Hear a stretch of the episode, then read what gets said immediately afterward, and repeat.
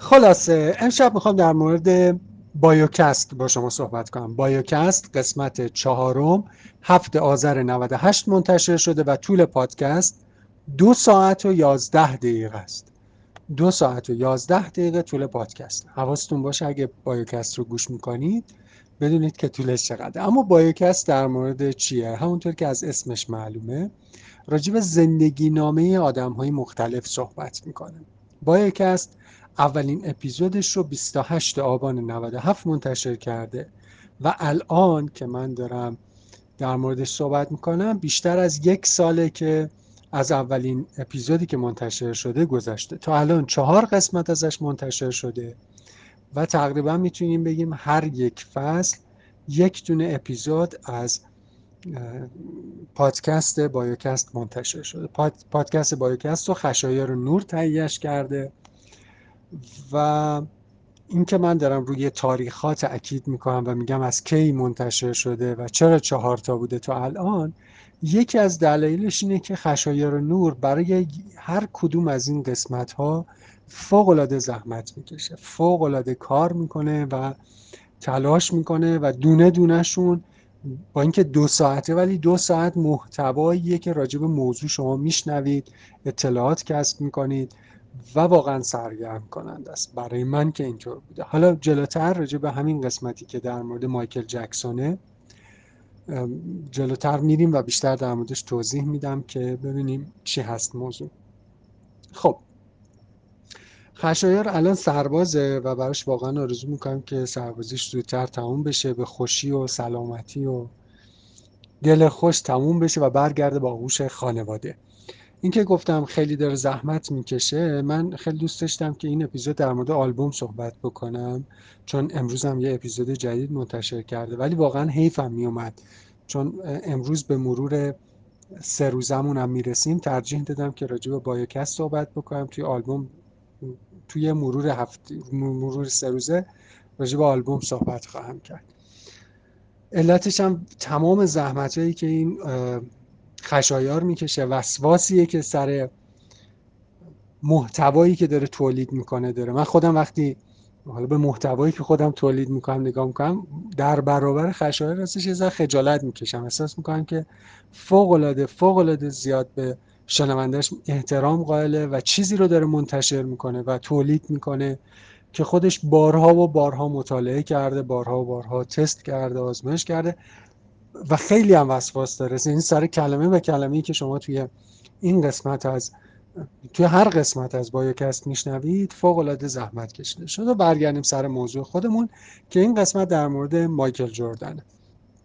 مایکل جوردن دیگه نیاز به معرفی نداره دیگه. یکی از بزرگترین بسکتبالیست های NBA بوده و شهرت جهانی داره و توی بروکلین به دنیا آمده و بعد جای دیگه بزرگ شده. این جای دیگه بزرگ شدنش رو خشایار رفته توی Google Map جستجو کرده خونه‌ی طرف رو پیدا کرده. نمی‌دونم چقدر آخه تو باید وقت بذاری برای محتوایی که تولید می‌کنی. بعد راجب اون حالا درسته توی Google Map پیدا کرده ولی راجب اونم فکت میگه توضیح میده حس و حال خودش رو میگه. خیلی خوب بود. این قسمتش رو من خیلی دوست داشتم. چند تا چیز خوب داشت. یکی اینکه چون راجع مایکل جردن بود یه موقع یه مسابقه ای رو پخش می‌کرد و ما نمی‌دیدیم که اون چه اتفاقی داره میفته خود خشایار یه بخشایش رو شروع می‌کرد حین مصاحبه که تو داری گوش می‌کنی حین گزارشی که داری میشنوی و انگلیسی هم هست خودش شروع می‌کرد یه گزارش خیلی کوتاه از اتفاقی که داره میفته توضیح می‌داد. یعنی شما هم صدای گزارشگر و محیط رو میشنیدی هم صدای خشایار رو میشنیدی. این خیلی خوب بود. نکته دومش که این قسمت هم خیلی خوشم اومد این بود که خود خشایار میگه میگه که آقا من اصلا راجع بسکتبال چیزی نمی‌دونستم. توی این قسمت از یه نفر به کمک می‌گیره کسی که منطقه رنگی رو راه انداخته سجاد بیات. که منطقه رنگی رو سرچ بکنید به یه دونه سایت مخصوص بسکتبال می‌رسید. سجاده بیات میاد مثلا راجع به اصطلاحات تخصصی بسکتبال یه توضیح میده. و منی که واقعا از موضوع پرتم خیلی خیلی بهم کمک می‌کنه که با موضوع ارتباط برقرار کنم. مثلا راجع به درفت توی این قسمت از پادکست توضیح میده و خشایار میگه که بذارید از زبون من نباشه از زبون کسی باشه که این کار است. بعد مثلا سجاد بیات دعوت می‌کنه راجع به موضوع حالا مثلا از دبیرستان به کالج و از کالج به MBA رفتن این مسیرش رو توضیح میده راجع به درفت توضیح میده راجع به اتفاقاتی که میفته و خیلی خوبه. خیلی به نظر من این تیکش خیلی خوب بود این قسمتش با اینکه میگم خودم از موضوع بسکتبال دور بودم ولی خیلی بهم چسبید. خیلی چیزا نمی‌دونستم. کی می‌دونه آخه کنفرانس غرب و شرق من نمی‌دونستم. نگم کی می‌دونست. من واقعا راجع کنفرانس و شرق چیز خاصی نمی‌دونستم. اینکه ترکیب بازی ها پلی آف یعنی چی و اینا نمی‌دونستم. بعد از این اپیزودم رفتم یه دونه از این بازی های NBA و خلاصش نگاه کردم. بازی پورتلند نمی‌دونم چی چی با اوکلاهاما سیتی نمی‌دونم چی چی بود. با مزه و خیلی اولا آفساید ندارن. یعنی تو بسکتبال این توی همین بازی هم من دیدم آفساید نداشتن. دو اینکه آقا این بازی کاملا یه طرفه بود از لحاظ تماشاچی.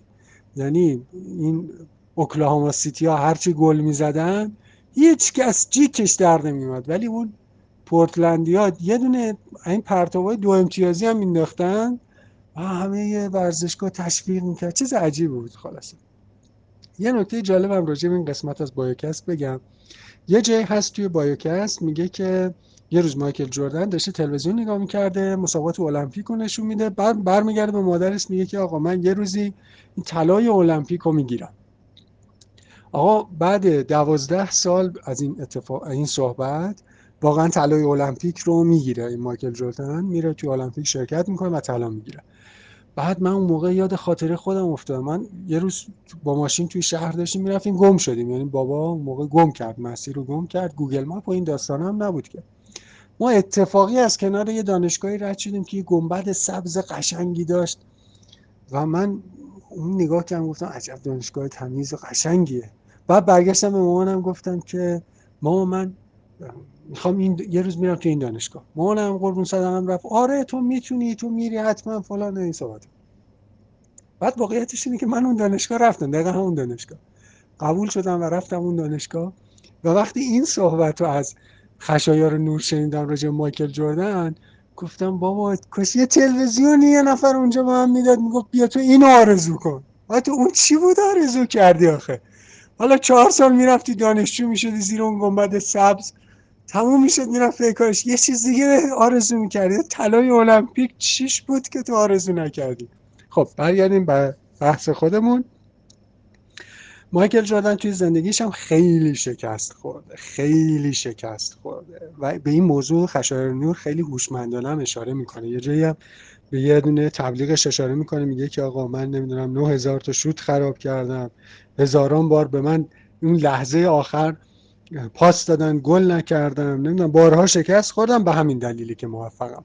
و تهش هم یه چیز خیلی خوب می‌گیره. و اشاره درستی هم می‌کنه. خشایار میگه آقا من چهار تا اپیزود منتشر کردم راجع به آدم های مختلف که تو حوزه خودشون خیلی موفق بودن. ایلان ماسک جی کی رولینگ سایمون همین مایکل جردن اینا آدم های موفقی بودن. ولی همشون یه وجه مشترک داشتن. اونم این که شکست رو تجربه کرده بودن.